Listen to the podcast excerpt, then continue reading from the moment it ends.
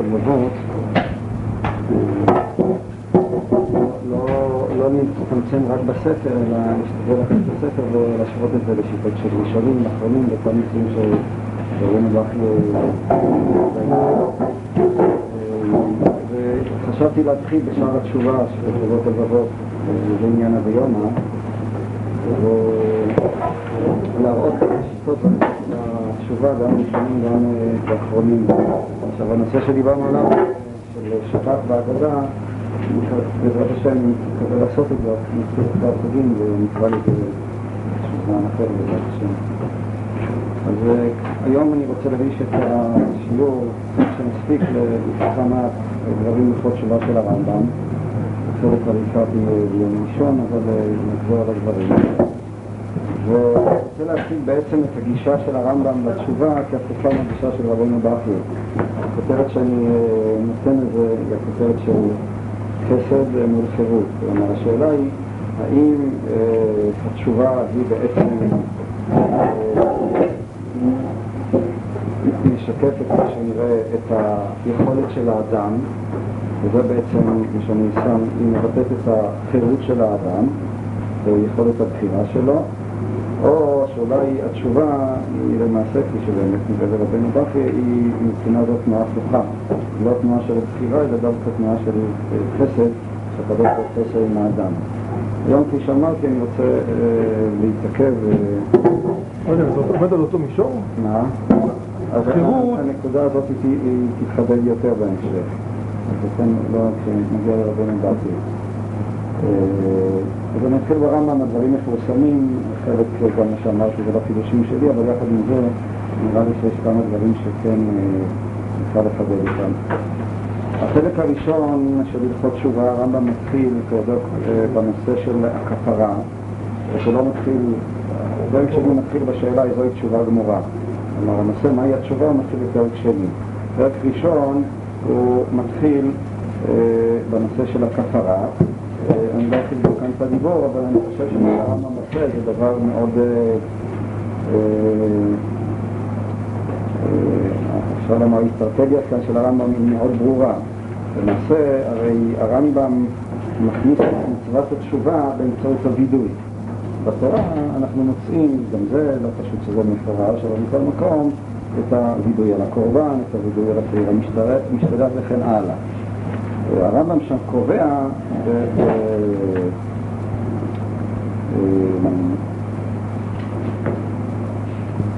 שהוא דן ביחס לקורבנות וכן הלאה, אז הוא אומר, וכן בעלי חטאות והאשמות, הוא אומר, אין מתכפר להם בקורבנן עד שיעשו תשובה ויתוודו בידוי דברים. כלומר, יש את הקורבן, הקורבן, חלק מהקורבן הוא קשור לוידוי, וכאן השאלה מה המשמעות של הוידוי, המשמעות של פשוטי התורה ביחס לוידוי, אם תסתכל על פשוטי התורה, מה זה בעצם הוידוי בתורה? בואו נשאל ככה, הוידוי על האשם וכן הלאה, שהוא מתוודה על הקורבן כשהוא חוטא, מה המשמעות הפשטית של הדברים? מה? איך היית אומר את זה? מבחינת... שעיר לעזאזל הוא מעביר לו את החטאים. כן, הוא שם את החטאים על השעיר לעזאזל. זה רק בשעיר לעזאזל.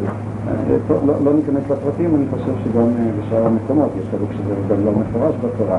הרמב"ם בא ואומר שהתשובה היא חלק מהווידוי. בעצם הוא אומר כל כפרה היא תלויה בווידוי והתשובה היא חלק מהווידוי ובצורה הזאת בעצם הרמב"ם בונה את המצווה של התשובה. המצווה של התשובה היא נכנסת דרך מצוות הווידוי, כיוון שהווידוי בעצם מתפרש כתשובה ובסופו של חשבון הרמב"ם אומר שהמשמעות של הווידוי איננה המשמעות של האמירה או של הפעולה אלא דווקא תשובה פנימית, כפי שהוא אומר גם כאן.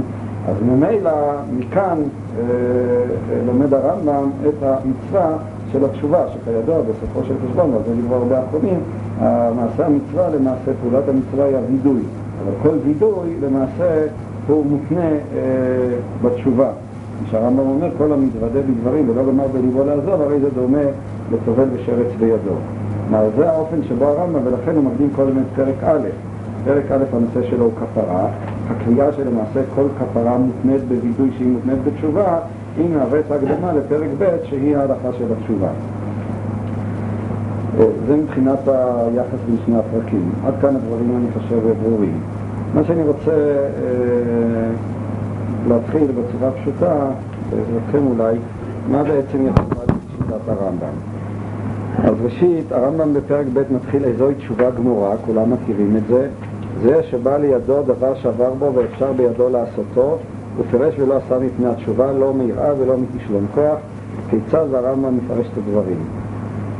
ומהי התשובה, אומר הרמב"ם בהלכה ב', הוא שיעזוב החותך את עובי סירו ממחשבתו ויגמור בליבו שלא יעשה עוד, שנאמר יעזוב רשע דרכו וגומר, וכן יתנחם על שעבר, שנאמר כי אחרי שובי ניחמתי. יעיד עליו יודע תעלומות שלא ישוב לזה החטא לעולם, שנאמר ולא נאמר עוד אלוקינו למעשה ידינו, וצריך להתוודות בשפתיו ולומר עניינות אלו שגמר בליבו. אה, מהי התשובה לפי הרמב"ם? אז הערה שאדון בה בהמשך, למה הרמב"ם מתחיל בזוהי תשובה גמורה? מה היה הסדר הנכון? אם, אם אנחנו היינו כותבים את הרמב"ם, מה היינו אומרים? מהי התשובה? היינו אומרים, ואחר כך היינו אומרים מהי המליוטה של התשובה. יש את התשובה ויש את ההידור, כן, אה, של התשובה, התשובה המעולה. אבל איזה היגיון יש לבוא, וגם הרמב"ם מתחיל בתיאור שהוא תיאור טיפולוגי, לא תיאור מופשט. מהי התשובה? הוא מגדיר לנו את חלקי התשובה. זוהי תשובה גמורה, בעצם הרמב"ם מתאר לנו אה, את התשובה הגמורה, כיצד הרי אה, שבעל אישה. אבל אם באמת המהות של התשובה היא בהלכה ב', וכפי שאמרו חלק מהאחרונים, מהי תשובה גמורה? זוהי תשובה גמורה, זה רק איזה, איזה אה, מעליותה בתשובה, התשובה הזאת היא תשובה יותר מעולה, אז ההיגיון היה בא ואומר שהרמב"ם צריך לפתוח קודם ולומר לנו כדרכו המסודרת, קודם כל מהי התשובה, ולאחר מכן לבוא ולומר, אבל תדע לך שיש את התשובה הגמורה. הרמב"ם התחיל דווקא בתיאור הטיפולוגי של התשובה, ורק אחר כך הוא בא ויוצר בעצם את ההפשטות של מהי התשובה. אז אולי, אולי נשאל את השאלה הזאת, רק רציתי לפתוח איתה, אבל אני רוצה לשאול את השאלה מהי התשובה? מה אתם אומרים? איך הייתם מגדירים את התשובה לפי הרמב"ם? בניסוח אחר, מהי התשובה? אני שואל עכשיו, אז הרמב"ם שיעזור החותך את אור ויסירו ממחשבתו ויגמור בליבו וכן יתנחם על שעבר. מה, מהי התשובה לפי הרמב"ם? בצורה יותר... אפשר לנסח את זה, מה כן ומה לא. איך רבנו יונה, כשהוא מדבר על התשובה, איך רבנו יונה מגדיר את התשובה? זוכרים שערי תשובה, לא לומדים כבר בישיבה. תורות התשובה לקחנו. מה? תורות התשובה. תורות התשובה, כן, אבל פעם רבנו יונה היה שערי תשובה, חופר, נתיב מאיר, אז אליהו, והיה בוכה עם שערי תשובה. אני הייתי שישית ולא הבנתי מה הוא בוכה. תמיד הייתי מתפלא. רואי, זה מה שנשאר בסופו של שבוע. אה, נו, איך, איך, איך, אם לא יודעים, צריכים לדעת מה צריך להיות כתוב. היגון, הצער. מכירים את הסיפור על הקצות שהביא את הספר שלו לרב שלום שחמר, את הקצות חלק ראשון. תגיד לי כמה חידושים אמר לו. עכשיו הוא אמר לו, על חלק ב' על איזה סימן אתה רוצה לכתוב? אמר לו, אני כותב את הסימן הזה. אמר לו, זה מה שאתה תכתוב. אז הוא אמר, איך ידעת? אז רב שלום שכנר אמר שהוא כבר יודע, הבין את צורת החשיבה שלו, אז הוא ידע כבר מראש מה הוא צריך לכתוב. הסיפור אומר שהוא עשה תשובה כל יום אבל זה שהוא צייר את הקצות. מה שקצות אמר לי, כן תגיד לי מה אני צריך לכתוב בשביל מה שאני אתייגע. אני אומר, אבל מה רבנו יונה כותב באופן טבעי על התשובה? איך הוא מתחיל את התשובה? מה זאת התשובה? אם אתם לא יודעים מה כתוב, אז מה צריך להיות כתוב? מה? מה אתם אומרים? מה? הצער, אולי הצער, היגור. הגדרה, אבל מה, מה, מה היא בעצם, מה, מה הפעולה של התשובה עושה? איך נגדיר אותה? שינוי של האדם, זה מה שרבנו יונה אומר, מוחקת את העבירות. הקדוש ברוך הוא, אני לא זוכר את הלשון של רבנו יונה, נתן לו לאדם דרך הימלטות מהעונש הוודאי שיש לו על העבירות. הדרך ההימלטות הזאת, דרך ההצלה, היא התשובה. זה מה שאומר רבנו יונה בשערי תשובה. כלומר, בעצם המטרה של התשובה היא אה, להביא לכך שהקדוש ברוך הוא יסלח לו לאדם על העבר שלו, על העבירות שלו. האם הרמב"ם כך מגדיר את התשובה? תשובה על התשובה, מה? כאן כל הכיוון זה באבא. באבא, זאת אומרת, הרמב"ם, מה הרמב"ם בכלל לא מזכיר כאן, וזה ממש פלא. יש דבר מרכזי בתשובה שהרמב"ם לא מזכיר. סליחה, כל הראשונים, נדמה לי, מה שאני בדקתי, כולם, כולל הסעדיה גאון, שהוא בעצם הראשון שסידר את ה... באמונות ודעות התשובה וחלק מהדברים של הרמב"ם הם למעשה רחוקים אליו סעדיה גאון אה, מזכיר את הסליחה כחלק מחלקי התשובה, זה חלק מרכזי. אם כל העניין של התשובה זה בעצם העבר, החטאים של האדם שמבקש עליהם סליחה, אז ודאי שהסליחה היא חלק מרכזי. הייתי אומר מבחינה זאת, עזיבת החטא, העתיד, רק פונקציה של העבר. אתה רוצה לבקש סליחה על העבר, אז ראשית כל אתה צריך להפסיק אה, ללכלך כמו שאומרים. אם אתה ממשיך הלאה לעשות את מה שאתה עושה, מה אתה מבקש סליחה? מישהו מבקש סליחה מהחבר שלו. אז אה, הוא אה, עושה, עשה עוולות לחבר שלו. אז החבר שלו אומר, ראשית כל תפסיק לעשות את הדבר הזה, אחר כך נשב ונדבר על מה שהיה. לכאורה זאת היא הנקודה המרכזית. מה אני רואה ברמב"ם? כל הנושא של הסליחה כלל לא נזכר ברמב"ם. לא נזכרה ברמב"ם בקשת הסליחה.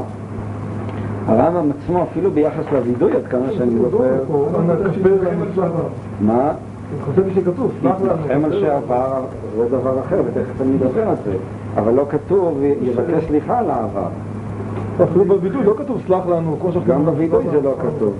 בספר המצוות, אגב, אה, דווקא זה, זה מעניין שהוא כידוע מוקדם יותר, אז שם הרמב"ם מזכיר את בקשת המחילה.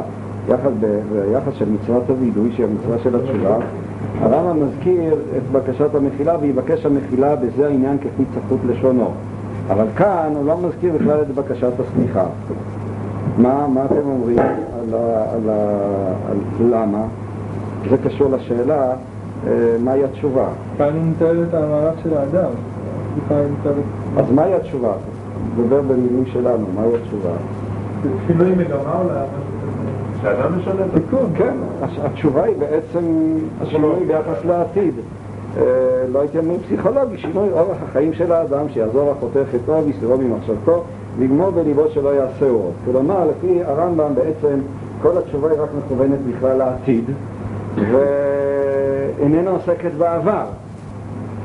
אה, זאתי התשובה, התשובה היא היכולת של האדם אה, לשנות את דרכו. אבל בווידוי לא מבקש. אוקיי, מה כתוב בווידוי? הצהרה. הוא אומר, אשמתי. לקחת אחריות. מה? הוא אומר, אנא השם חטאתי, אביתי, גדלתי, פשעתי אביתי, לפניך, לא. והרי ניחמתי ובושתי במסעי, ולעולם איני חוזר לדבר זה. אז הווידוי הוא גם כן איזו התחייבות. אני מודה שעד עכשיו לא הייתי בסדר, ואני מתחייב לא לעשות את זה בעתיד. אין פה מחיקת... אה, אין כאן, אין כאן, אין כאן אה, אה, מחיקת החטא. השאלה אם האדם נמצא בכלל בתשובה של הרמב"ם מול הבורא בכלל, הוא נמצא מול עצמו, בעצם זה מין, אה, שהווידוי זה מין איזה משהו מאוד טכני, שבעצם בעצם זה תהליך שהאדם עושה מול עצמו בעצם. אז זה, זה, זה, זה נראה גם כן בהמשך, אף על פי שאפילו כאן אומר ויעיד עליו יודע תעלומות. מהי בעצם הסיבה, מה יכולה להיות הסיבה לדבר הזה? הקדוש ברוך הוא לא אמור אה, לסלוח. השאלה זה שאדם משתנה. אני חושב שיש כאן נקודה יותר ברורה, זאת אומרת, אה, מה שהיה, היה. העבר זה חלב שנשפך. הרי אחד, הדברים שתמיד מדברים בנושא של התשובה, היא באמת אה, אדם שעשה מה שעשה. מה שעשית, עשית, איך אתה יכול אה, אה, לשנות את מה שעשית. לפי דעת הרמב"ם, הרמב"ם לא מזכיר את זה, אתה לא יכול לשנות את מה שעשית, אתה יכול רק לשנות את העתיד שלך, וזאת הנקודה העיקרית לפי דעת הרמב"ם. העבר הוא רק פונקציה של ההווה, זאת אומרת, זה נראה בהמשך. העבר, וזה כבר ודאי קשור לשיטת הרמב"ם, העבר קובע את אה, דרגתו של האדם, וזה נראה בהמשך. הרמב"ם הרי עוד קובע ששכר ועונש הם תוצאה של המצב של האדם, של מה אתה. וממילא ברגע שאדם משתנה, אז באותו רגע הדבר הזה, אה, אה, הייתי אומר, מוחק את התוצאות של העבר אה, בהווה, במצב של אותו אדם. אבל, אבל, אבל למעשה, לפי דעתו של הרמב"ם, נראה שאת העבר אתה לא יכול לשנות. המחשבה שאתה יכול לשנות את העבר היא מחשבה, כמו שכל מיני פילוסופים דיברו על זה, היא מחשבה אה, נואלת, היא מחשבה זה חלב שנשפך. מה? לא באופן כללי הרמב"ם, זה לא סיפור אחר. מה? סתם יש קורבנות, כל הכפרה. זה לא כפרה לכם. אז זה עוד דיון, מה תפקידה של הכפרה. אני מסכים איתך, צריך לדון מה זאת הכפרה, אה, לפי שיטת הרמב"ם. בכל זאת בתשובה הוא לא מזכיר את הנושא הזה של הסליחה, בקשת הסליחה. בסדר, יכול להיות בגלל הסיבה הזאת, שהכפרה באמת מטופלת בחלק הזה, והתשובה מטופלת בשינוי האדם. הכפרה היא על החטאים והתשובה היא על האדם. אה, כן, העניין הוא שהייתי מצפה, הרמב"ם אומר שבזמן הזה אין לנו אלא תשובה. אז השאלה, מה... אם ככה הייתי מצפה שגם בחלק של התשובה יופיע חלק של העבר אבל החלק הזה, אנחנו לא יכולים לטפל בו. לא התשובה היא צריכה להוות אה, אה, אה, תחליף טוטאלי, חלופה טוטאלית לנושא של הכתוב. אין זונות נהפכים לזכויות ברמב"ם? ודאי שיש הבנות וזכויות. לא, זונות נהפכים לזכויות. יש, שם יש ברמב"ם יש חשבון של העוונות, זה בפרק ג', שאדם מוחק את העוונות וכפרה. לא, איפה זה זכויות? יש מה ש- כזה? מה. מה? זונות שיש דבר זה זכויות. אה, הגמרא הזאת של זונות זכויות, אני לא מביא. וגם ברבי מיונה זה כזה, לא לזכויות. בפרק ז' הוא לא מביא אותה. נדבר על זה גם כן זה בעזרת השם. זכויות. זה אם התפיסה היא פילוסופית שיש את הרושם שלך שבעולם, זה באמת רושם אי אפשר למחוק, זאת אומרת זה נעשה כבר, זה- ואי אפשר גם לשנות את זה. אז אז בעצם התפיסה היא שהתשובה היא בתור חסד, בתור אה, עצם ההסתכלות לעתיד, אחרי שכבר קיים משהו שאתה לא יכול למחוק אותו, מציאותית אפשר למחוק את זה. זה ממש חסד. תפיסה כחסד, אה. היא לא חסד, התשובה, העבר נשאר. מה שאתה יכול, אתה יכול לשנות את עצמך. העולם עצמו הוא כבר פגוע, זאת אומרת, עצם שאתה גרמת, אין דרך חזרה. אתה לא יכול לתקן את הפגם, אתה יכול לתקן את עצמך. אה, לא, אני חושב שזה נשאר פתוח, אתה יכול לתקן את עצמך. המשמעות של העניין, השאלה שבעצם, אה, של בעל התשובה היא השאלה אם אני יכול להשתנות.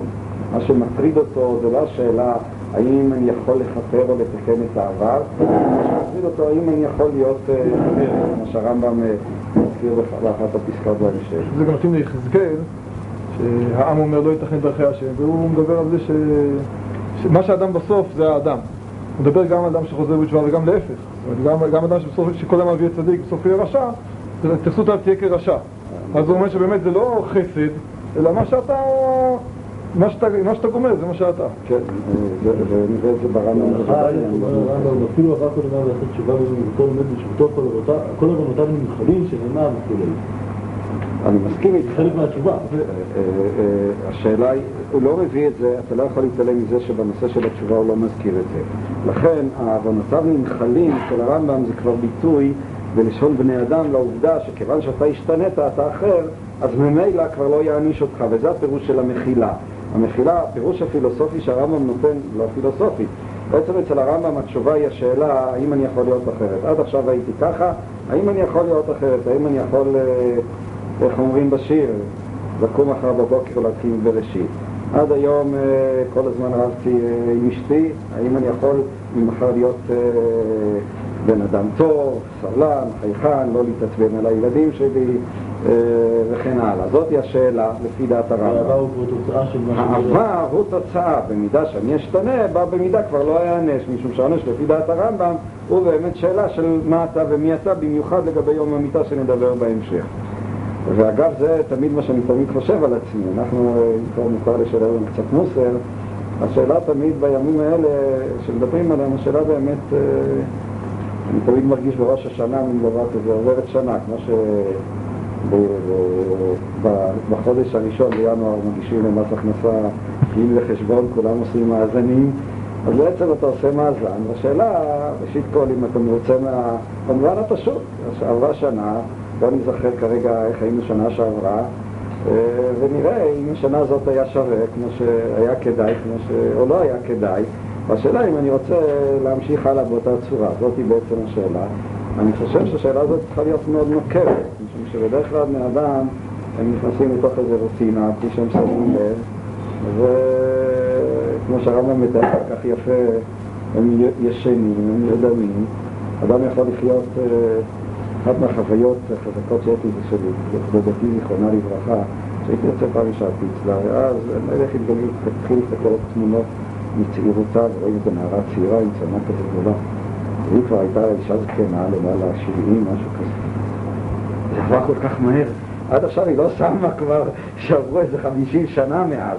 זאת אומרת, לא, אני, אני לא יכולתי את החוויה הזאת, אבל כל אחד תופס את עצמך, אתם לא צעירים, תופס את עצמי, תשמעו, אתה כבר דרך זקן, וזאת הרגשה אה, אה, בעצם שהזמן רץ. והשאלה הנוקבת לפי דעת הרמב"ם, לגבי זה בעצם הנקודה, ראש השנה, זוכר ככה, כשהייתי בהסדר, היה הזמן הכי גרוע בשבילי מבחינה זאת. אף פעם לא הייתי מסוגל להתחבר לכל העצבנות והמתח וזה. עד שתפסתי שיש כאן, א', אתה לא צריך להתחבר לשום דבר, אתה תתחבר לעצמך. ויש כאן בזמנים האלה משהו מאוד נוקב, משהו מאוד תשתיתי. באמת הזמנים, אני מרגיש את זה באמת כחסד, ככה ברגע שמתחילים להגיד את דוד השם הרי ואישי, ואתה מתחיל ככה, החורף מתחיל לבוא, פתאום אתה מרגיש, תשמע, עברה עוד שנה, והשאלה היא, אה, מה עשית? מה, איפה היית בן אדם? כמו שאמר סופר אחד. והשאלה באמת, אה, אם אתה רוצה להמשיך ככה עוד שנה, לסחור עוד שנה, שאולי אה, אתה רוצה שיהיה אחרת, ואם אתה רוצה שיהיה אחרת, אז בוא תשאל את עצמך אם אתה יכול להיות אחרת, אם יכול להיות אחרת, וזאת היא הנקודה של הרמב"ם. הרמב"ם מאמין, וזאת היא אה, אמונה מאוד מלהיבה, אם אנחנו אה, יכולים להגיע אליה, שבאמת יכול להיות אחרת. זאת היא הנקודה. מה? מה? תמיד אנחנו בסוף מגיעים בנימה פסימית. מגיעים בנימה פסימית. בשנה הבאה, אפילו שעשינו שינוי, לא באמת נגיד על עצמנו עשית שינוי. למה אתה חושב ככה? לא, היו שנים שסיכמתי לעצמי מאזן חיובי, לא תמיד נמצא באיך זה נקרא, באוברדרפט. מה, יש שנים שאני מרגיש כאסיפות, השנה אה, התקדמתי באותם דברים שאני באמת רוצה להתקדם. יש שנים שלא, זה לא אה, סיפור מכור מראש. למה תציג את זה ככה? אני חושב שיש מצווה להרגיש שזו הייתה שנה מבוזבזת.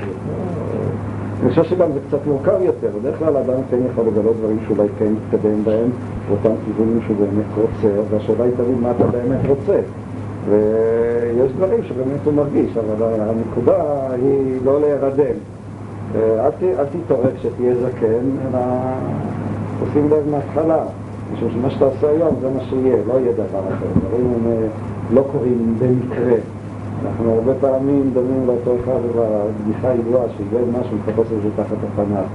זאת אומרת, אה, אתה צריך לחשוב, אם לא תחשוב, אם לא תהיה מודע, לא תהיה, מי שלא ערני, אה, פשוט אה, הוא ירוץ מפה לשם, אבל בסופו של חשבון אה, הוא ימצא את עצמו בשום מקום. זאת אומרת, אה, זה משהו ריאלי, זה משהו ממשי, אל תחשבו, זה כבר אנשים בגיל, אה, מסביבכם בגיל אה, 60, 70 וכן הלאה. אה, רוב האנשים הם לא, הם, תמיד אומר שאדם יכול לחיות 70-80 שנה ובכלל לשים לזה שהוא חי.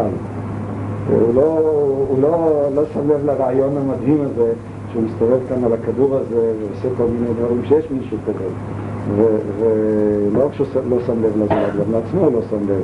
והנקודה הזאת שהרמב"ם מאוד מדגיש אותה, נראה אותה בהמשך, זה רצון לעורר את המודעות של האדם, להחריף את המודעות שלו, יש איזה תחושה של דחיפות. כשהשאלה של הרמב"ם היא לא מה היה, מה היה, זה כמו שאמרתי, חדש שנשפך. מה אתם אומרים על הביטוי וכן יתנחם על שעבר שנאמר כי אחרי שובי ניחמתי? מה המשפט הזה מבטא לפי דעתכם? אתה חושב שזה... וכן יתנחם על שעבר זה מבטא בפניך איזה צר של חרטה שהוא אוכל את עצמו, למה עשיתי את זה?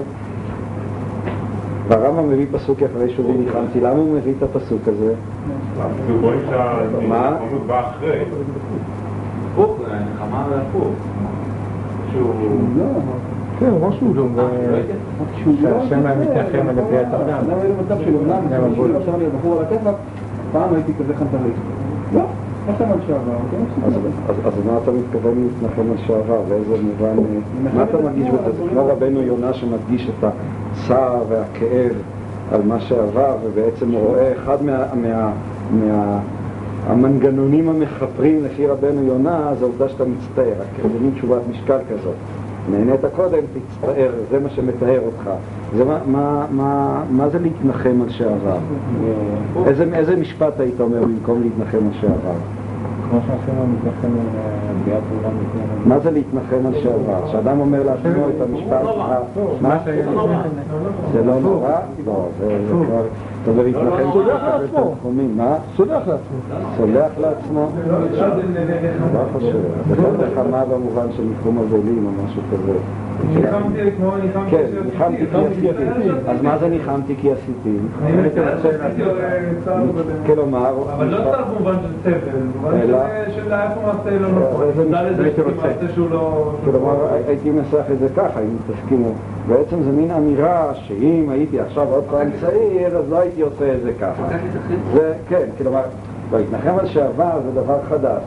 אברהם אומר, אני לא אעשה בעתיד, אבל יכול להיות, אומר, עד עכשיו חייתי בכיף, התחוללתי, הייתי צעיר, אז אה, עכשיו הגיע הזמן להיות קצת יהודי של בית כנסת. אה, היצר רק קצת שכח, אה, השיניים כבר אי אפשר לסלול להם מה שזלמנו, אז בוא נהיה עכשיו יהודי, נהיה צדיק מכאן להבא. אז אומר הרמב"ם, וכן להתנחם על שעבר, אתה צריך גם להתנחם על מה שעשית בעבר. לא מספיק שתבוא ותאמר מכאן ואילך אני עכשיו אסדר לי את העולם הבא, אהיה יהודי טוב, אלא אתה צריך לדעת שגם אם היית צעיר, אה, אז לא היית עושה את מה שהיית עושה ומתהולל או משהו כזה. כך אני מרגיש וכן להתנחם על שעבר. מה החשיבות? האם כל... מה החשיבות של זה? בוא, בוא תגיד אתה. והרמב"ם, שים לב, הוא מביא את הפסוק אחרי שבי ניחמתי. למה הוא מביא דווקא את הפסוק הזה? אין לו מספיק אה, פסוקים. לא של...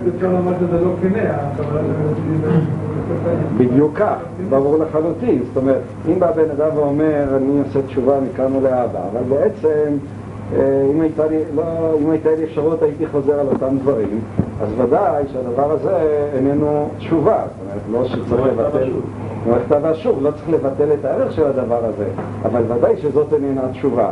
בעצם הנחמה אצל הרמב"ם היא פונקציה, היא לא חרטה איפה היא מופיעה גם? שימו לב שהיא מופיעה בסיום התהליך. הרי הסדר הנכון מה צריך להיות, קודם כל אדם מתחרט, לאחר מכן אה, הוא מבקש סליחה ומקבל על עצמו לא לעשות, או מקבל כמו ומבקש סליחה. אצל הראשונים, כמו חובות הלבבות, בראשונים אחרים, מופיעה חרטה דווקא בהתחלה. הרמב"ם מביא אותה בסוף. וזה חשוב לרמב"ם להביא בסוף. תוכיחו לי שזה חשוב לרמב"ם להביא, אה, שהחרטה היא דווקא בסוף. מה? זה ממש פלא, מכל הפסוקים של החרטה הרמב"ם מביא כי אחרי שובי ניחמתי. למה הביא דווקא את הפסוק הזה? הוא רוצה להוכיח מכאן לא רק את העובדה שיש חרטה, אלא להוכיח מכך, מכך שהחרטה היא בסוף. אבל מה המשמעות של העובדה שהחרטה היא בסוף? מה זה בעצם אומר? שהחרטה איננה פונקציה של חרטה על העבר, אלא החרטה היא רק זאת שנותנת את האמינות של העתיד. זאת אומרת, אתה לא יכול לבוא ולומר מכאן ואילך אני אהיה בסדר, ובו זמנית לומר, אבל אם הייתי, אבל אה, בעצם אני לא מתחרט על זה שחייתי כמה שנים בכל, בצורה וכן הלאה. ולכן הרמב"ם, וזה בניגוד לשאר הראשונים, הוא אומר, וכן יתנחם על שעבר שנאמר כי אחרי שובי ניחמתי. אבל זה ממש יפה אה, לראות את הדברים הללו ברמב"ם.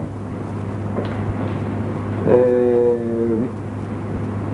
ואז החרטה היא ודאי לא, אני חושב שהרמב"ם הרמב"ם חושב, כמו שהיו פילוסופים שאמרו את זה, זה המפורסם זה שפינוזה ולא רק הוא, שבעצם אה, רגשי אשמה, חרטה במובן הזה, זה בעצם משהו אינפנטילי, זה משהו שמבטא אה, חוסר בגרות. אה, אם אתה עשית, עשית, מה שאתה צריך לחשוב זה מה אתה יכול לעשות הלאה, אבל להתחיל לאכול את עצמך זה כבר אה, רגשי אשמה בכלל, גם בפסיכולוגיה המודרנית, אה, לא רק המודרנית, נחשבים כרגש שלילי, כרגש לא חיובי, כרגש שמדכא את האדם ולא מקדם אותו. אני לא בטוח שהרמב"ם לא סובר ככה. ייתכן משום שהוא לא באמת אה, אומר אני מתחרט במובן של אוכל את עצמי, אלא מה שנאמר אצלו, כמו שאמרתי, זה רק חרטה כפונקציה של עתיד, וזה כל כך חשוב בעיניו ש... ש... ש... ש... ש... ש... ש...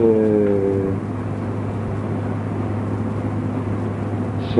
שהוא מביא לזה מקור. זאת אומרת, אחרי שבי ניחמתי, הוא מביא מקור שהחרטה היא דווקא אה, אה, אה, בסוף. אפשר להגיד שהרמב"ם לא לא אומר את זה? כלומר, אפשר להגיד שהרמב"ם חושב אחרת, שזה לא כמו, שזה לא רק תעודות אמינות, אלא גם, אה, אומרת, זה איזשהו משהו הכרחי כאחד השלבים מרכזיים. מה? נראה לי ברור שזה בדיוק כמו ש... אני חושב שאי אפשר לומר אחרת ברמב"ם, נראה לי שזה די ברור, ו... אבל זאת גישה אחרת, זו גישה שאני חושב היא מאוד... אה, לא יודע, יש בצד שמאוד מדבר, אה, לפחות אלינו. הנקודה הזאת, וכאן אני רוצה להיכנס ל- ל- ל- לנקודה הבאה. אמ, שתי נקודות באות. אמ,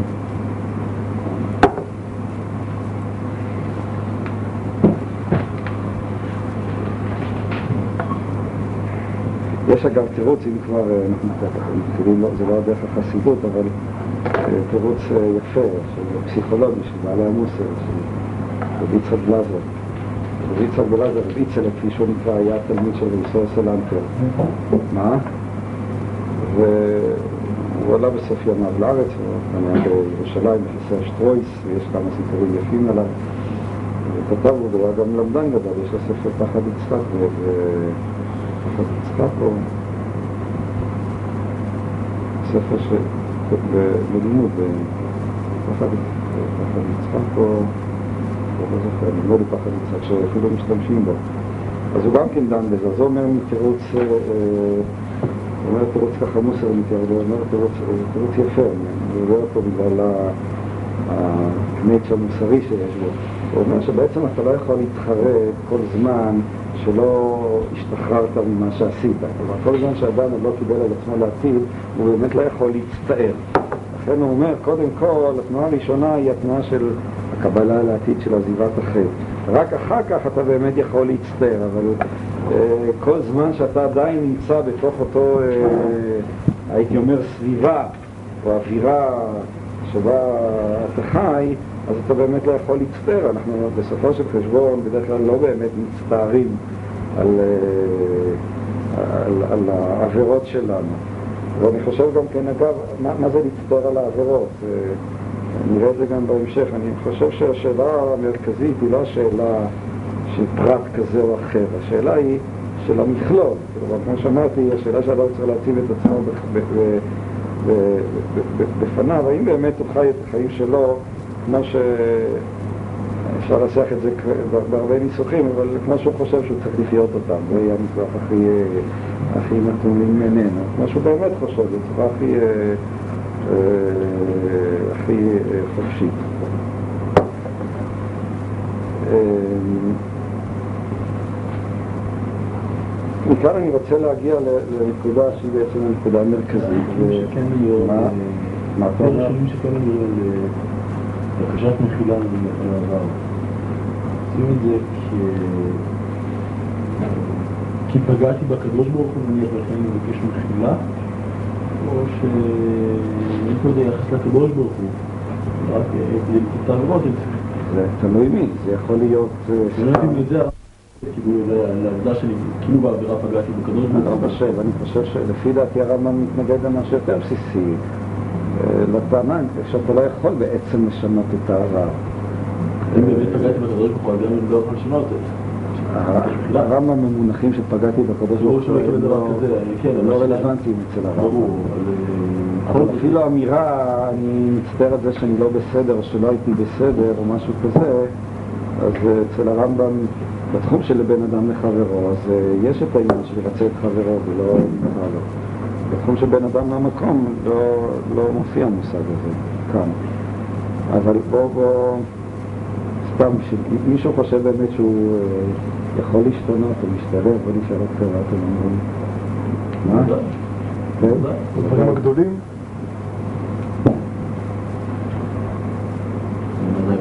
אתם חושבים, מישהו חושב באמת, נגיד, בראש השנה הזה, או בימים האלה, באמת אה, יקרה משהו שהוא יהיה אחרת, ופתאום יוציא ציציות בחוץ, עם השטריימל, אה, יהיה בעל תשובה, מה אתם אומרים? מה? לא, אני שואל... כן, לא, אני... טוב, באופן אישי גם...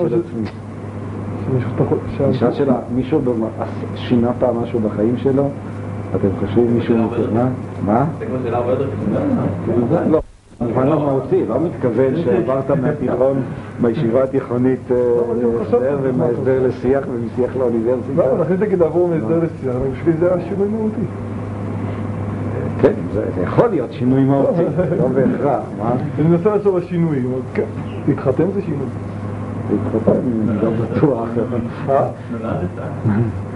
לא, נולדתי בהחלט. עדיין בחרת משהו? לא השתנית. מה שנים להתחתן לא בחרתי, שנים לא להסתפר בזה. מה? במידה משתנה אולי אה, דרך כל מיני תחנות עובר בחיים, אה, כי תהליך מודע כזה לשנות זה כבר הרבה יותר קשה. כן, אבל כשבן אדם משתנה דרך דברים בחיים, זה לא כפי שהעיר שילו, זה לא, לא הוא. הוא משתנה, הוא משתנה לכל מיני כיוונים, אה, חוטף מכה. מה? יש אנשים שחוזרים בתשובה, לפעמים זה גלביניון. אז מה אתה רוצה? לפעמים אני נשמע אותו דבר, זה שבו להוכיח? זוהר, אותו דבר לא, בדיוק. ל- השאלה שלי... לא לא תמיד זה רק שינוי, אה, תמיד ממש חזרה, שינוי מהותי. כן, אני מסכים. השאלה שלי היא כפולה, זה שבני אדם משתנים יכול להיות, השאלה אם אתה יכול להשתנות באמצעות ההחלטה שלך, החירות שלך, המודעות שלך. במובן שהרמב"ם מדבר על שינוי, אני בכל אופן לא השתמשתי בו. שני כוסות דיבר שכזה להוציא ציציות ועדיין ללכת בלילות ול... אבל אה, אלא השינוי שאתה... אתה- להוציא ציציות במשמעות של טוב בוא נראה מה לך הלאה. לא... להוציא ציציות זה לא אומר שעכשיו ומאוד והלאה אני הפכתי להיות צדיק הבא בגלל שהייתי לפני כן. אבל כן, זה השינוי הראשון, ומעבר למה שבא עבר, מה שבא... זה מה שאני תמיד הרגשתי, זה גם תמיד כשאני קורא את ה... מה שאני קורא את אני אף פעם לא התעמקתי בזה ככה, אבל זה מה ש... זאת אומרת, זה הדבר הראשון שכזה קפץ לי לראש. שאתה תעשה כזה, לעשות את הצד הראשון שהוא קוסמטי, והוא כמעט תמיד, כי באמת לעשות ההחלטה להפוך את כל החיים, אה, לעשות מהפך אה, מוחלט, זה החלטה, זאת אומרת, זה... ואחרי חודש וחצי אתה משתעמם, זה נגמר. אתה צעירי כזה, הרבה פעמים, אה, כשמעבר מתיכון למשל לישיבת הסדר, הרבה פעמים רואים את החבר'ה של א' מתלהבים לגמרי, זה ממש... זאת אומרת, בעתניאל לפחות זה כל כך בוטה. שיעור א' כל כך, אה, כולם עושים שבת, וכולם עושים ציציות, עושים חלק, כיפות ענקיות. תוך, אה, המבחן הוא אחרי שנה, שנה וחצי, כשכולם מקבלים את השביזות, אז... שזה כיפה, כיפה ענקית, ככה כשהיא יורדת, אז עוד נשאר בסוף משהו. זה באמת המבחן האמיתי. אז שינוי קוסמטי יכול באמת, ל- אני ראיתי הרבה חבר'ה שעשו את המעבר. אז- מה זה נקרא להשתנות? בוא נשמע. מה? איך אפשר להשתנות? מה זה בכלל להשתנות? מה, אם כבר אה, התגלגלת? להשתנות זה... נגיד, מה הציפיות שיש לי בעוד שנה? לשנות מגמה. זה לא חייב להיות- לשנות לא מגמה? זה לא חייב להפנות עורף למגמה שאתה קודם 180 מעלות ולהגיד אה, זה, במקרים קיצוניים, מישהו קיצוני לכיוון אחד, אז גם לא להיות באמת קיצוני. אבל אני חושב ש... אני חושב שבהחלט לא ואני חושב שאני השתניתי על ידי בחירה, ואני מאמין שהרבה אנשים השתנו. אני מאמין שכולם השת- השתנו על ידי בחירה בסופו של דבר. כי אם אתה מחליט, אה, לא יודע, אני חושב שאם אתה מחליט שאתה... אה, אתה מקיים עוד מצווה כי זה חשוב לך, כי זה פתאום הפך להיות משהו שחשוב לך לקיים אותו. או, או אתה יותר נחמד להורים שלך, כי פתאום הפך לערך שהוא, שאתה החלטת שזה יהיה ערך מרכזי בחיים שלך, אז החלטת להקדיש את את הזמן, לא יודע, לעשות עוד שיחת טלפון בשבוע להורים שלך, כי אתה הרגשת שזה, זה, זה, זה איזשהו שינוי, זה שינוי מאוד קטן, מה שאני אומר, כן? אבל, אה, יש גם שינויים הרבה יותר גדולים. אז בוא נשמע, למה- למה- למה לעשות עוד טלפון להורים זה שינוי? למה זה שינוי? אני דווקא כי זה- דוגמה- כי אתה הפכת. לבן אדם שלא אכפת לו מאיך ההורים שלך מרגישים, שאתה בישיבה וטוב לך, וכאילו לא מעניין ממש מה עובר עליהם בערב, אתה פתאום הגעת להכרה שההורים שלך זה משהו מאוד מרכזי בחיים שלך, ואתה מאוד, אתה חידדת את הנקודה הזאת שאולי הייתה לך פעם, ש... איך הכרת בהתאמה? לא יודע, זה- מה, זה יכול להיות יום אחד שנתנו לך מוזר, וזה יכול להיות יום אחד שקראת משהו בבית ספר, וזה יכול להיות יום אחד שסתם חשבת על זה פתאום, אה, רגע, מה עם ההורים שלי עכשיו, כששני האחים שלי גם כן עזבו את הבית, וזה מרגישים. אז אתה, הגעת פה לאיזשהו שינוי, ובך, אתה השתנית, אתה פתאום הפכת לבן אדם שלא אכפת מההורים שלך, זה בן אדם שכן אכפת לו מההורים שלו. זה שינוי כמו שהחלטנו, זה לא שינוי... אה, לא, לא כולם פושעים שצריכים לעשות משהו. לא, אני יודע, בחור ישיבה נעבך, מה כל החור? צריך ללמוד יותר תורה, צריך ללמוד יותר לא הבנתי, רגע, רגע, לא הבנתי את ההערה של שילה. דווקא מה ש... אמיר, נכון? כן? מה? גדעון. מה שגדעון אומר מאוד אה, מרגש אותי דווקא כשינוי. למה אתה, באיזה נקודה אתה מבקר אותו? מה זה שונה מהשינוי שיאיר אמר? זו החלטה, טוב שבזה לא משתנה. נוצר את. לא, לא, לא לא מבחינת מוסד הטריגר. מה זה נקרא שינוי? מבחינת משרד הטריגר, השאלה, אתה החלטת, אף אחד לא כפה עליך, לא אמרו לך, או לא איזה משהו שפתאום, אה, לא יודע, אני החלטתי לעבור שלוש פעמים ישיבה, ואף פעם זה לא נעשה מתוך... זה לא נעשה מתוך... חבל מאוד.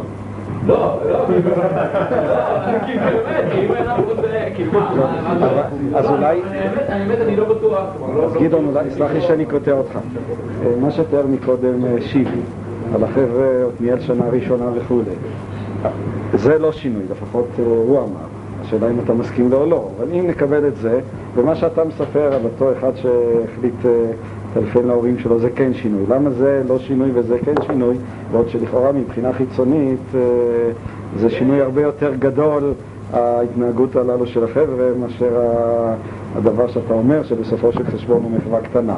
בכל זאת אני מאוד מזדהה עם, עם, עם, עם, עם זאת היא הצגה של הדברים, שזה לא נקרא אצלי שינויים, לעומת מה שאמרת לי אה, מאוד אה, דיבר אליי, שזה פתאום אה, כן נקרא איזה שינוי. מה? בהחלט זה יכול להיות שינוי. מישהו עכשיו נניח בנקודה מסוימת של היה כפוף לחברה מסוימת, ועכשיו אומרים שהוא שם פס על החברה. יש פה איזשהו שינוי פנימי, זה לא רק משהו החיצוני. אתה מעלה אפשרות, אני לא אומר ש... יכול להיות שגם שינוי כזה, יש בו איזשהו שינוי פנימי. נכון שמה שבא לידי ביטוי זה הצד החיצוני, אבל בהחלט יכול להיות שיש פה איזשהו שינוי פנימי. אני לא מרגיש את זה כשינוי פנימי, ובנקודה הזאת אני מזדהה. לא. לא.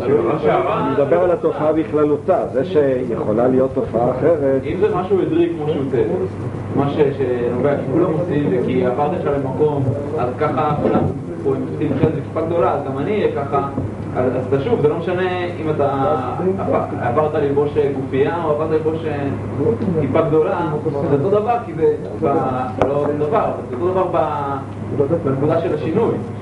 כי זה, עדרי, התנהגות עדרית, שכל אחד עושה אותה. קודם הייתי בישיבה תיכונית, הלכתי עם אה, כיפה קטנה, ועכשיו אני בישיבת הסדר כזאת או אחרת, אז אני הולך כמו שהם הולכים. כי זה מה שמקובל, זה מה שזה, זה לא משהו שהוא נבע מתוך בחירה שלי. הבחירה מגיעה בזה ש, שאני מחליט בשביל עצמי, כשאני חופשי מ- כמה שאפשר. כן, אני תמיד, אני תמיד בן אדם שהוא נמצא בתוך איזושהי... אה, הגנים שלי הם אותם גנים, וה... ה- לא יודע... אז אתה שם את ההבדל הזה שאתה בחרת, הבחירה היא בזה שאתה, בוחר ושאתה מגיע להכרה, אתה עושה את זה מתוך הכרה, בערך, ברצון שלך לזה. הם לא עושים את זה מתוך הכרה. לא. השאלה שהרמב"ם מציע, שאדם פשוט מפסיק לעשות איזשהו מעשה רע שהוא עשה קודם, כאילו נגיד שהיה לו פיצול, זה לא שינוי כזה מהפכני במושגים שמדברים פה עכשיו. תלוי מי זה הבן אדם הזה, מה, תלוי איזה חטא יש לו. לא, אבל כאילו, מה מה הרמב"ם מתאר? איזשהו רגע רע, שאדם מחליט להפסיק אותו. יש פה איזשהו, לבוא ולהציג את זה בצורה קצת חד משמעית, או שיש שינוי שאין שינוי, זה גם הדבר שאתה יכול. יש גם, אה, או שזה או שהשתנה או שלא השתנה. אז בוא, אני מסכים איתך, אה, אבל מה, אז מה זה כן? אה, מה- הציפיות שלך, שלי, שלנו, אם יש לך ציפיות? שהאזרח יכול למקד את עצמו אולי עליו, אבל אתה שואל באיזה מידה, מה ששיבי מציג איזשהו שינוי שהוא שינוי חיצוני, בעצם השאלה היא מה מידת הכנות שלך עם השינויים החיצוניים שאתה עובר. זאת שאלת הכנות אתה אומר? אני יותר, רואה את זה בתור אה, לבחון תהליכים. אני לא חושב ששינוי זה דבר טבעי, אדם לא משנה פתאום סוויץ' ונהיה בן אדם אחר. זה לא, לא הטבע שלו, זה גם מניפולציה לבוא לאדם ולהגיד לו עכשיו תפסיק להיות אתה. הוא יכול להסתכל בסוף השנה אחורה ולנסות לזהות מה עבר עליו ואיפה הוא היום לעומת שנה שעברה, אם זה כיוון חיובי או לא. בזה הוא יכול להשתנות. אני אפילו חושב יותר קיצוני ממנו, שינוי זה מילה קצת אני חושב ש... סתם טימה גם מה שאמרו בהתחלה, כשמדברים על תשובה דווקא, אה, יש הרגשה יותר, אה, לא יודע, אישית, יותר דיכאונית כזאת של... אה, אתה לא בא, קשה לך לבחון שינויים במשך שנה, זה דבר שאני חושב שאם צריך להפריד בין משהו שהוא שנתי לבין משהו שהוא רב שנתי. אם בן אדם, אני חושב שכמו שאתה, יכול לבדוק שינוי בכלכלה, או לבדוק שינוי של, שנעשה מבחינה חברתית במדינה, אז אתה מתחיל לדבר על שינויים ודברים שנעשים בתקופות קצרות. אני חושב שאם אדם היה רוצה, אה, מסתכל על עצמי, מסתכל על תהליכים יותר גדולים, אם אדם אה, בשנת שמיטה מסתכל שבע שנים אחורה, הוא מסתכל מאז שהוא התחיל את העסק עכשיו, איפה הוא נמצא, אז הוא רואה ש... שהוא עבר איזה תהליך מסוים, שהוא... כן, אבל כל דבר אחד, הוא- יכול להיות מרוצה מעצמו. זאת אומרת, קשה לי קצת לדבר, הרב עצמו, שהוא התווכח עם נוגע, הוא אמר שהוא יכול להסתכל שנה אחורה ולהגיד, אה, כן, השנה אני מרוצה. אני חושב שהחיים יותר דינמיים, קשה לדבר על... אה, במשך שנה קשה לדבר על, אה, דברים שאתה מרגיש שינוי או לא שינוי, כי החיים הם דינמיים, זה רצו ושוב, בהמון דברים אתה... אתה קצת התקדמת, או המון דברים חזרת, אבל קשה לך לעשות איזה סיכום שנתי אמיתי, לראות איזה שינוי חד בך. שינוי אולי גם יש יותר, אה, משהו שיותר רב שנתי, תסתכל איזה תהליכים עברת. וגם אתה נותן את השינוי, אתה השתנית, זאת אומרת, אה, אתה מרוצה מעצמך, עשית משהו עם עצמך. זה לא סותר, יש איזשהו תהליך שאתה עובר, שבנקודה מסוימת מגיע לאיזשהו מצב שאתה, היה איזושהי מודעות לתהליך, ואז אתה, לפחות עליי, אני יודע שאני מגיע לאיזושהי נקודה שבה כל התהליך שעברתי, ואני מגיע לאיזושהי נקודת הכרעה, אם אני עושה עוד איזשהו צעד של שינוי ממש. מה שאביעד תיאר זה משהו אחר, ויש הרבה שיחלקו עליך, יש כאלה שלא מאמינים בשינוי ההדרגתי, אבל מאמינים דווקא בשינוי, אה, מה שהרב בתחילת אורות התשובה מדבר תשובה הדרגתית ותשובה פתאומית. יש כאלה שאומרים שאין תשובה הדרגתית, אלא יש מה שקרוי קונברסיה. זה בדרך כלל קורה שאתה יכול לאתר בדקה הזאת, ב- ביום הזה, התהפך אצלי משהו. וההתהפכות הזאת היא באמת שינוי. מהיום אני כבר לא יכול להתייחס להוריי כמו שהתייחסתי אליהם עד עכשיו. זה דבר שקורה ב- באופן פתאומי, לא בהכרח שלא קדמו לזה תהליכים קודמים, אבל הרבה פעמים התהליכים או שהם היו סמויים ולפעמים אפילו היו הפוכים. זאת אומרת, לפעמים אחרי זמן רב, מי שמתאר הרבה דברים כאלה זה בספר הזה של ג'יימס, החוויה הדתית, תהליכים של קונברסיה. וזו בעצם התשובה הפתאומית אה, של הרב קוק, שהוא מזהה אותה לפי דעתי תשובה הילה. זה מצב של היפוך הלב, יש מצב שבו הגעת לאיזה נקודה ומשהו פתאום מתהפך אצלך ואתה יודע שמה שהיה כבר לא יחזור. ועל זה אני מדבר שזה שינוי. זאת אומרת, מה? זה יכול להיות גם לרעה, יש גם חזרה בשאלה, אני לא בא לומר. עד היום הוא היה דתי ויום אחד הוא מתאר אגב גם קונברסיות הפוכות. כזה. אני- הוא משך משך וקם יום אחד בבוקר וזהו, משך. לא יודע אם זה באמת קורה דבר כזה. מה? מה? ברגע זה קרה. מי? האדם. זאת שאלה טובה, זה עוד ויכוח. מה? זאת לא השאלה, היה הוויכוח שהיה כאן עם, עם שי, אם בכלל יש שינוי במובן הפתאומי. הוא, ש- שי דבר... שינוי זה כולם רואים בעיניים? לא, שי דיבר על שינוי של לאורך שנים. שי, אני חושב שהוא, אני לא יודע איך הוא התייחס לזה, בגיד אורי זוהר, פתאום משתנה אל הקטע. יש שינוי, ברור. אבל יש שינוי בעולם, השאלה מה אבל. זה בדיוק, אנחנו, אני מדבר בתור אדם ממוצע, זאת אומרת, אם אתה מדבר על אה, רבי אליעזר בן דורדאי, אז אתה אומר, יש כאלה דברים, אני מדבר על בתור אדם לא, שלא אבל חווה חוויות, אדם שלא חווה. חוויות כאלה, זאת אומרת, אתה יכול, אני, אני מכיר את זה שהיה תקופה מסוימת בישיבה שבאמת חייתי כמו בישיבות המוסר ככה, שכל דבר, זה- וזה מין משהו שאני, גם אותו, גם אה, זה לא אמין בעיניי, בגלל שאני מרגיש שזה אז אתה חושב שאז השתנית? זה בדיוק השאלה. אני משום ששיבי יאמר לך לא השתנית. לעומת זאת את זה הוא כן יקבל אני חושב כשינוי. שזה לא היה אמיתי, אני חושב שבמובן נכון, אני ראיתי שכל זה לא היה, זה היה מין איזה אה, משפטים שמדברים בעולם הישיבות, זאת אומרת, ממש משפטים נבובים, שהתכנסתי להגיד, טוב, עכשיו אני יודע שב- שבזמן חורף הזה עשיתי את השינוי הזה. במבט לאחור, הכל נשבר לחלוטין. ואני גם קשה לי לה- להאמין לדבר זאת אומרת, בתור בן אדם, אני לא, לא מדבר על אנשים קיצוניים, אפילו דוגמה של אורי זוהר, שזו דוגמה לא טובה. זאת אומרת, אנשים שנמצאים, מגיעים עד בור תחתיות, או מגיעים עד אה, רום המעלה, ואז הם באמת יכולים להשתנות לשתי קצוות, זה יכול לקרות אולי, אבל בתור חוויה אנושית פשוטה של בן אדם אה, ממוצע, אנשים ככה מתוך, אה, מתוכנו, קשה לי להאמין לדברים האלה. אני, אני גם לא מאמין לא לשיחות. המוסר האלה, שצריך, שצריך עכשיו, אני חושב שגם הרב אמר את זה פעם, שדיברנו פעם אחת בשיחה בבית של הרב רייטוס. שזה רב אמר שעכשיו יש הרבה צרות וצריך להגיד לא יותר בכוונה, אבל זה- מניפולציה, אני צוחק על זה, זה אף פעם לא קנה אותי הדברים האלה. זה נכון, אבל... אבל- אבל למה? זאת- תפיסה שמחנכים אותך שהנה, תעשה את השינוי הזה. תגיד עכשיו עם, אה, ברכון, אה, אה, ברכת המזון, או תגיד יותר בכוונה, ועכשיו יהיה יותר טוב, יהיה גשמים. אבל רק אנחנו צריכים להגדיר כאן את, את החזיתות. היו כאן, רק, רק אני אגדיר, יש כאן כמה, אה, שתי חזיתות שאני רואה כאן. חזית אחת היא בשאלה אם בן אדם יכול אה, להשתנות באותו מובן שגדעון תיאר מקודם. אה, דהיינו שמה שיותר זה לא שינוי דרסטי, זה שינוי ש... שהיה רק שיחת טלפון, אבל אני כן חש את זה כשינוי, משום שזה לא רק שיחת הטלפון, אלא זה מין פנייה אחרת, התכוונות אחרת. זה נכנס אליו משהו שלא היה לפני כן. איזה, איזה הסתכלות יותר אה, רכה, הסתכלות יותר אה, סבלנית, אה, חריגה מה- מהאגוצנטריות שלו, וזה נכנס, זה הגיע עד איזושהי נקודה מרכזית של האישיות. זה, לכן אני חש את זה כמשהו אמין במובן הזה שזה לא יחלוף, לפחות לא יתפרק בצורה שאתה תיארת. זו נקודה, זאת קונברסיה, אפילו שהיא לא הייתה טוטאלית, אבל אני כן מרגיש את זה.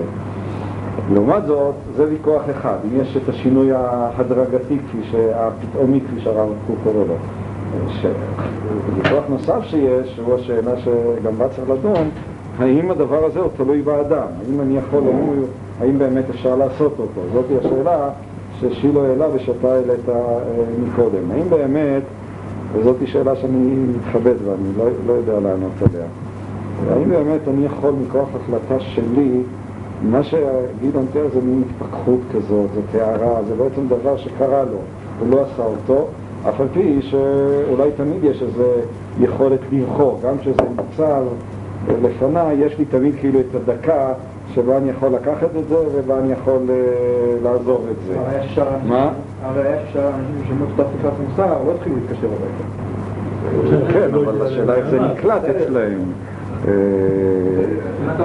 זה אמונה, זה אי אפשר... בעלי המוסר, אה, סבא מנוברדו חושב שכן יש דבר כזה, שיש איזו יכולת, כאילו, הוא אומר משהו מאוד, אה, מאוד עדין כזה, הוא אומר שאני מחליט משהו, אני צריך גם, אני מנסה לנסח את זה בצורה עדינה, אני צריך להיות לא רק להחליט, אלא, איך אומרים, שצריך להחליט וגם צריך להחליט את זה שאני עושה את מה שאני מחליט. זאת אומרת, אתה צריך להיות מודע למציאות, לממשות, שבעצם זה מה שהחלטת. המודעות הזאת, אני אומר במילים שלי את מה שהבנתי בדברים שלו, המודעות הזאת היא מכניסה לתוך ההחלטה שלי עוד איזשהו מישור או ממד שאין אותו בהחלטה רגילה. החלטה רגילה היא איזה סוג של דיבור בראש או מחשבה או משהו כזה. המודעות לממשות של ההחלטה שלי היא עצמה, הפגיעה הזאת בממשות היא מסוגלת כאילו אה, כן אה, לגרום לשינוי המהותי. כלומר, אה, להיכנס לאיזה רובד שאיננו רק איזה רובד חיצוני, שאני חושב ככה או משהו כזה, אלא כאילו להביא לאיזה מין פיצוץ פנימי, לכוונה פנימית. אף על פי שהדבר הזה הוא נעשה באמצעות ההחלטה שלי, באמצע, ולא משהו שקרה בי. כך הוא מתאר את הדבר הזה. זה כן קוסמטי פשוט. זה לא קוסמטי במובן הזה שהמודעות לדבר, בואו בוא אני אתאר את זה ככה. מישהו סיפר לי שכואב לו. בדרך כלל אני שומע שכואב לו, אני מבין את זה, אבל זה לא מרשים אותי, זה ודאי שזה לא יכאב לי. זה רובד אחד שבדרך כלל אנחנו נמצאים בו. אני יכול לבוא ולומר לעצמי, באמת כואב לי, לכוון את עצמי לממשות של אותו אדם, הנה יש כאן אדם שהוא ממשות, ריאליות, ויש כאן את הממשות של הכאב. כל אחד ישים לב, שהממש... אה, ישים לב שההתכוונות הזאת של... לממשות של הכאב היא אה, מצעידה אותי צעד נוסף. כאן זה לא יגרום לי שאני אכאב, אבל בכל זאת אה, המודעות שלי היא כבר תהיה הרבה יותר, היא, היא, היא, היא תכוון את עצמה או תתרכז או תשים לב לממשות של הכאב שלו. וממילא ברור שגם התגובות שלי והיחס שלי והנכונות לעזור יהיו שונים מאשר סתם מישהו סיפר לי שכאב לי. זה בעצם סוג של התכוונות שאני חושב ש... נגיד בספרי חסידות זה יקרא אולי הבינה של הדבר, הבינה של הדבר יש בה איזה נקודה, או הדעת אפילו של הדבר נקודה, שאתה שם לב ל, ל, אתה מתחבר לזה, אתה שם לב לעובדה שהדבר הזה קיים.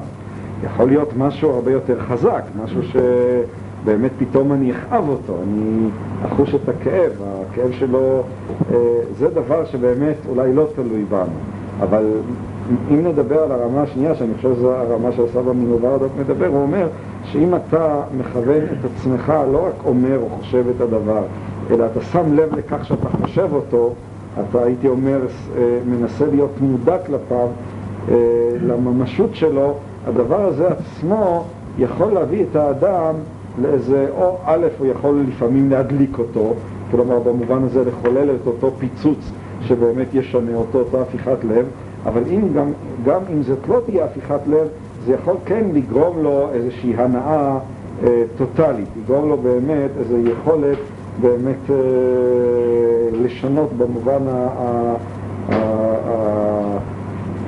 הממשי של הדבר. אבל יש פה בעיה בעצם זה שהוא איך לעשות את זה, ואם הוא באמת מאמין שדבר כזה אפשרי שלא נותן לנו מקום בדרך, אפשר להחליט ויחליט וגמרנו יש אפשרות. כל פעם שאדם נותן בדרך והוא מלמד איך לעשות את זה, או שהוא, או שהוא מסביר לאדם לעשות את זה באופן הדרגתי, או שהוא מסביר להחליט לעשות את זה, זה מה? מאמן את הבחירה שלו, וכבר... אני, אני חושב ש, שיש כאן להבחין בין שני דברים. מה, ש, מה שאתה אומר אני מסכים אה, לחלוטין. אני חושב שהבעיה הרבה פעמים שלנו ביחס לאמונה, ביחס להשתנות, שכאילו אנחנו מראש כאילו יודעים מה אנחנו צריכים אה, לעשות ומה לא. ובאמת אם האדם רוצה להשתנות, ובנקודה הזאת אני מסכים איתך, צריך אה, להעמיד את הדברים בצורה חופשית ו... אה, בלתי אמצעי, ולשאול את עצמו האם באמת אני צריך להשתנות, אם באמת אני לא בסדר או לא או כן בסדר, בלי אה, משוא פנים לשום כיוון שהוא. זה אני מסכים איתך. אבל מה שהסבא מנורדוק אומר, הוא לא אומר לך, יכול להיות שהוא כן אומר, אבל הקטע לפחות שאני הבאתי, הוא קטע אחר, הוא אומר לך איך לחשוב על הדבר, הוא מלמד אותך איזו פרוצדורה של אה, חשיבה או של התכוונות. וכאילו אומר, אתה צריך למקד את עצמך לא רק בתוכן של הדבר, אלא בעובדת קיומו, בעובדת ממשותו, בריאליות שלו.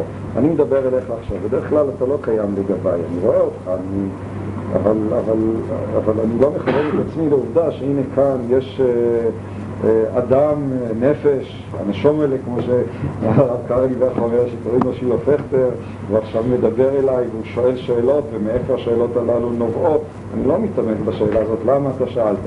אבל אתה שם לב שכל דבר הוא מיד חושף אותך. ברגע שאני חושב כך, אני כבר יודע, השאלה הזאת חשפה אותך באיזשהו מקום, משום שזו הייתה שאלה שנובעת מעולמך, וכן הלאה. אבל אם כן, אבל במקרה הזה אני יודע שלא עשית תרגיל, מוכן לחתום על זה. אה, זאת אומרת, מה שהסבא מינו ורדוק הוא לא, ולפחות בהקשר הזה הוא לא אומר לך מה תחשוב, הוא אומר לך, הוא מלמד לך את פרוצדורת החשיבה. הפרוצדורה הזאת היא לא מאמנת את הבחירה. מה? היא לא מאמנת את הבחירה. הפרוצדורה הזאת, אני חושב אה, שהיא לא מעמעמת את הבחירה, אלא אם כן אתה יכול אתה רוצה איזו בחירה מרמה גבוהה יותר. דהיינו שאתה תבחר גם את הפרוצדורה. אה, אוקיי. מה? באיזה נקודה הסכמת? איך אפשר בלי פרוצדורה? זה בחירה. מה בחירה? אנחנו מדברים שינוי, מה אנחנו אומרים במילים האלה? שינוי זה אומר אה, להיות אחרת. עד היום חשבתי כך. אבל זה אמרנו, זה כבר כולנו הסכמנו שיש דבר כזה, זה קורה בעולם. השאלה מה המשמעות של השינוי? אני לא, לא מבין באיזה נקודה אתה תוקף. השאלה הייתה אחרת לפי דעתי, לא מה המשמעות של השינויים, אלא מה זה נקרא שינוי. זאת הייתה השאלה. ומה זה נקרא שינוי? אנחנו קיבלנו מלא מלא סוגים של שינוי, כל אחד יגיד סוג של שינוי. חלק אמרנו שהם נקראים שינוי, חלק לא. זה נכון, ההבחנה הייתה כאילו באיזה רמות, יצרנו היררכיה של שינויים. ההבחנה לגבי דידי למשל, צריך להבחין בין שינוי בהתנהגות לבין, אני חושב למשל, ששינוי הרבה יותר חשוב, למשל זה שינוי אה, בתחום הרגשי. בדרך כלל בני אדם יש להם דפוסי רגש, כמו שיש להם הרגלים של אה, עשייה, יש להם הרגלים של הרגשה. זאת אומרת, אני אדם מתרגל ללכת בצורה מסוימת, אז יש כל מיני שיטות שבאות ללמד אותו ללכת בצורה יותר טובה.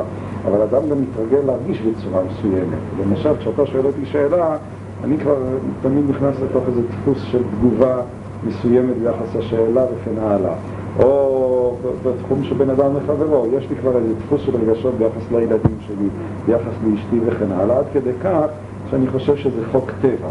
והשינוי הרגשי הוא בעצם להיות מודע לכך שזה לא חוק טבע, ולמעשה יכולים להיות uh, דפוסים רגשיים שונים ולשנות את זה למשל, ש... מה שגדעון אמר מקודם זה כבר שינוי רגשי. שינוי רגשי זה בעצם סוג אחר של רגש שכבר צץ ביחס להורים שלו. מה? זה לא הבדל מהותי, זה במושג של השינוי. זה לא, זה הבדל מהותי, משום ששינוי רגשי הוא שינוי ממשי. הוא לא שינוי התנהגותי, הוא לא איזו אווירה ש... שאני מכניס את עצמי אליה, אלא כאן מתרחש כמו שלשנות את השולחן, אתה יכול לחתוך אותו, לשנות אותו או אחר, אז כאן יש כאן התרחשות אחרת במובן של ממשות שהיא אה, אה, פועלת בצורה אחרת.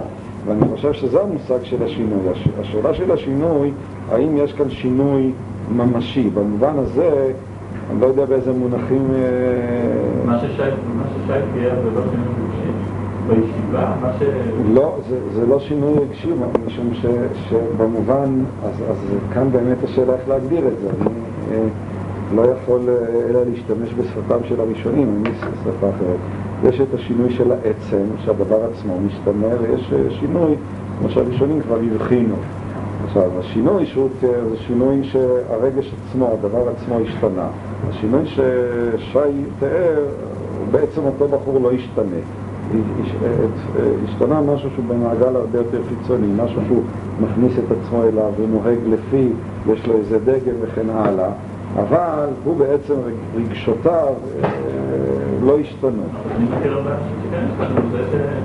שכל חייהם, שכל חייהם, שכל חייהם ממשיכים ככה. אתם שבויים. בסדר, זה נכון, העובדה שזה... מה? זה קורה להרבה אנשים. מה לא קשה? לקחת אנשים ולשנות אותם מבחינה רגשית. הרבה זה לא. קשה, זה קשה מאוד. למה אני חושב לא? שנמצאים במסגרת שהיא מאוד אינטנסיבית. אתם מתווכחים על שני דברים אחרים. ודבר להשתנות זה מה שהוא תיאר. מה שאתה תיארת, אני מסכים שזה לא נקרא שינוי. עכשיו, אם זה קשה או לא קשה, זה תלוי למי. לשילה אני בטוח שזה מאוד קשה לעבור. קשה זה לא אפשרי. למישהו אחר אה, זה קל מאוד. אבל... אה, אבל זה לא משהו שינוי. מה? צריך להיות משהו אחר שינוי, לא רגש או... לא, לא, אני לא אמרתי שזה לא הדבר היחידי, אבל השינוי צריך לחול בממשות מסוימת. משהו השתנה כאן. יכול להיות שהרגש השתנה, יכול להיות גם שצורת חשיבה השתנתה. אני עד היום רגיל לחשוב בצורה מסוימת, אה, נגיד שלומד גמרא.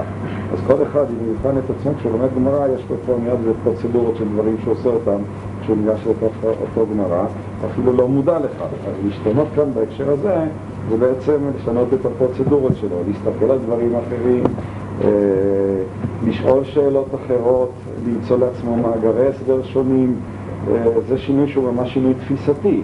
זה אני קורא שינוי. מה? אם אני נסוג אה, מדי פעם מהשינוי, אני, חושב שאחד... לא.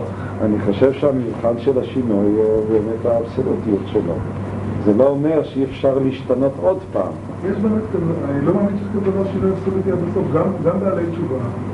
לדעתי, מהמעטים שאני מכיר, אני יודע שתמיד יש גם בעלי שלהם, לפחות אלה שאני מכיר, חוזרים מדי פעם ברגל אחת אחורה למה שהם היו, וגם אה, חוזרים בשאלה אותו דבר, אה, לפעמים בשבתות פוחדים שהלבנה תיפול עליהם מהשמיים.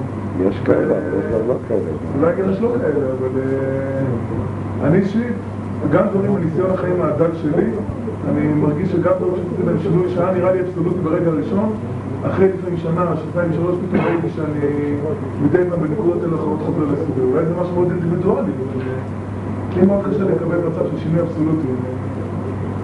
אה, לפחות אה, טוב, לא- אחרי הרבה שנים. לא יודע איך אפשר להתווכח על זה. לא. אני חושב שכן, אני דווקא כן, פה ושם פגשתי אנשים שהם השתנו, השתנו עד כדי כך, לפעמים אני מקווה שלב ששפת הגוף שלו השתנתה. ממש, זה שינוי ממש תשתיתי. שפת הגוף זה כבר משהו אחר, כל ההבעות שלו, המחוות שלו, אה, זה בעצם, אה, מה? אבל גם זה אני לא יודע, אני ממש מרגיש שיש לי משהו מאוד אנושי במה שאתה אומר. בגלל שאני חושב שלהשתנות זה לא אמור למחוק את ה- עצמו. זאת אומרת, אה, גם כשרואים את אורי זוהר, שהוא אורי זוהר, שהוא נשאר אותו דבר כמו אורי זוהר פעם, רק אם יש לזה את החן של זה, הוא לא יכול להיות מישהו אחר, ואני חושב ש- שהופכים בן אדם להיות איזה משהו שהוא שונה, פשוט מוחקים את כל האישות שלו. גם, גם גם... המחכים, אולי הם נותנים לו אישיות אחרת. אתה יודע מה, לא לא עצמך. אני לא... אתה לא יכול לחשוב על עצמך, תסתכל על עצמך לפני שנכנסת לישיבת הסדר, כן? פרק זמן כמו שהוא אמר שבע שנים. תסתכל עכשיו, ותראה מה, אין נקודות שבהן השינוי הוא... מה זה שינוי אבסולוטי של בן אדם? לא, לא אבסולוט, מה זה אבסולוט? אני לא ברמה אבסולוטית? אבל שינוי שהוא קבוע, שאתה רואה שהוא כבר לאורך זמן מחזיק בך, לא יודע, ביחס נגיד ל- לתורה. נכון, אבל... אה, יש אנשים אופטימיים, מגיעים נגיד למלחמה, כל העולם שלהם נשבר, ונהיים אנשים אחרים. תסתכל כמו שאני עכשיו, אני בן אדם שונה ויש לי נקודות, לא להגיד עשר שנים, אבל יש לי נקודות, זה כבר אה, בטח שנה, שנתיים, שלוש, זה כבר מחזיק מעמד, זה כבר משהו יציב, משהו באישיות שלי שהשתנה. אני לא מרגיש את זה, שלי מישהו, לא יודע, אתה שואל לגדול. טוב, בואו, אה, זהו, אני חושב ש... מיצינו את הדיון, אני לא חושב שבן אדם כן יכול להשתנות, ובניגוד לאביעד שינוי אבסולוטי, אני לא יודע אם הוא יכול להשתנות בכוחות עצמו, זה אני באמת לא יודע, אבל אני חושב שבן אדם, ואני חושב שיש שינויים שאתה מרגיש שזה אה, אל חזור, זאת אומרת, אין דרך חזרה, זאת אומרת, זה לא שהוספת עוד משהו על הרפואה שלך, אה, אלא אתה עצמך כבר אחר. השינויים הרגילים הם באמת לא שינויים, משום שזה עוד תוספת של מה? איזה דוגמה ציבורית? אולי מה שאדם יכול להגיד, אני לא יודע. אני לא יודע איזה סוג של דוגמה אתה. לא, אני- אני אישית לא לא מבין. זה הדוגמה של גדעון, היא לא דוגמה טובה? להתקשר להורים עוד פעם בשבוע, אני לא... אני חושב שאם אני אתקשר להורים פעם בשבוע, אחרי חודשיים יהיה שבוע שאני לא אתקשר אליהם. ואז אני אגיד, אז כן שזה משהו יותר של אבסולוטי. לא, זה, זה, זה אבסולוטי במובן הזה שגם אם אתה לא תתקשר, אבל היחס הבסיסי שלך אליהם הוא השתנה, זה כבר לא יהיה אותו אני דבר. גם מודע כאלה ש- חשבתי אבסולוטי שהוא חייב לעמוד במבחן של תדירות מוחלט. תדירות מוחלט במובן הזה, זה, זה עומד במבחן של תדירות, זה שבן אדם מכל מיני סיבות קרה לו כך וכך ולא התקשר, זה לא המבחן של השינוי. לא, השאלה אבל אה, לענייננו, אני, אני חושב אם יש, אה, אני חוזר שוב לנקודה של המוסר שבעניין, אבל אה, לענייננו באמת אני חושב שהשאלה הכבדה היא לא פשוטה ולא תמיד אפשר לתת לה פתרון, ולא... אם באמת, אה, במידה שיש, מחפש, אנחנו מחפשים משמעות לזמן הזה, אז המשמעות היא באמת השאלה שצריך להציב אותה באמת ללא משוא פנים. השאלה אה, אם אתה שבע רצון ממה שאתה, אם אתה רוצה ככה לנהל, אה, להמשיך הלאה, או שיש דברים שאתה לא שבע רצון מהם. השאלה אם אתה באמת יכול אה, אה, לתפוס את עצמך